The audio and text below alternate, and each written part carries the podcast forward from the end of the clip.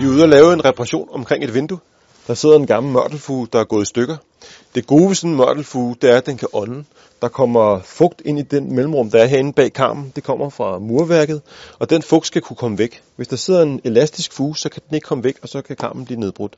Det første, jeg skal gøre, det er, at jeg skal fjerne den gamle mørtel. Punkt 2, så skal jeg have stoppet den med noget ny værk. Og punkt 3, så skal jeg have lavet en helt ny mørtelfuge.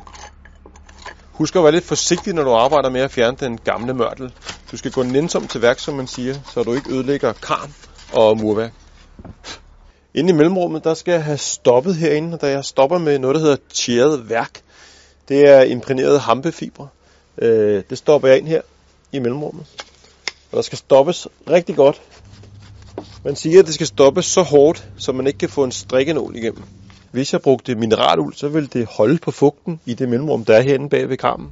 Værken den afstøder fugten, og da vi har den her åndbare mørtelfuge, jamen så får vi altså alt fugten væk, så vores karm ikke bliver nedbrudt. Nu er vi færdige med at stoppe. Nu skal jeg til at lægge min mørtelfuge. Den lægger jeg over to omgange. Og jeg bruger noget juremørtel, som ikke har noget cement. Og det er fordi, ved at bruge den her type mørtel, så får du en fuge, som er mere fleksibel, som er mere smidig, frem for hvis der var cement i, så vil den blive hård, og så vil den krakalere i siderne.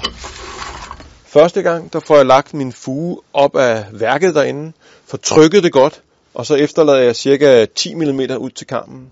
Så lader jeg det tørre, cirka 30 minutter, og så fortsætter jeg med den sidste lag. Nu er jeg faktisk færdig med at lægge min mørtelfuge. Nu skal jeg have den afrettet, og så til allersidst får jeg den børstet.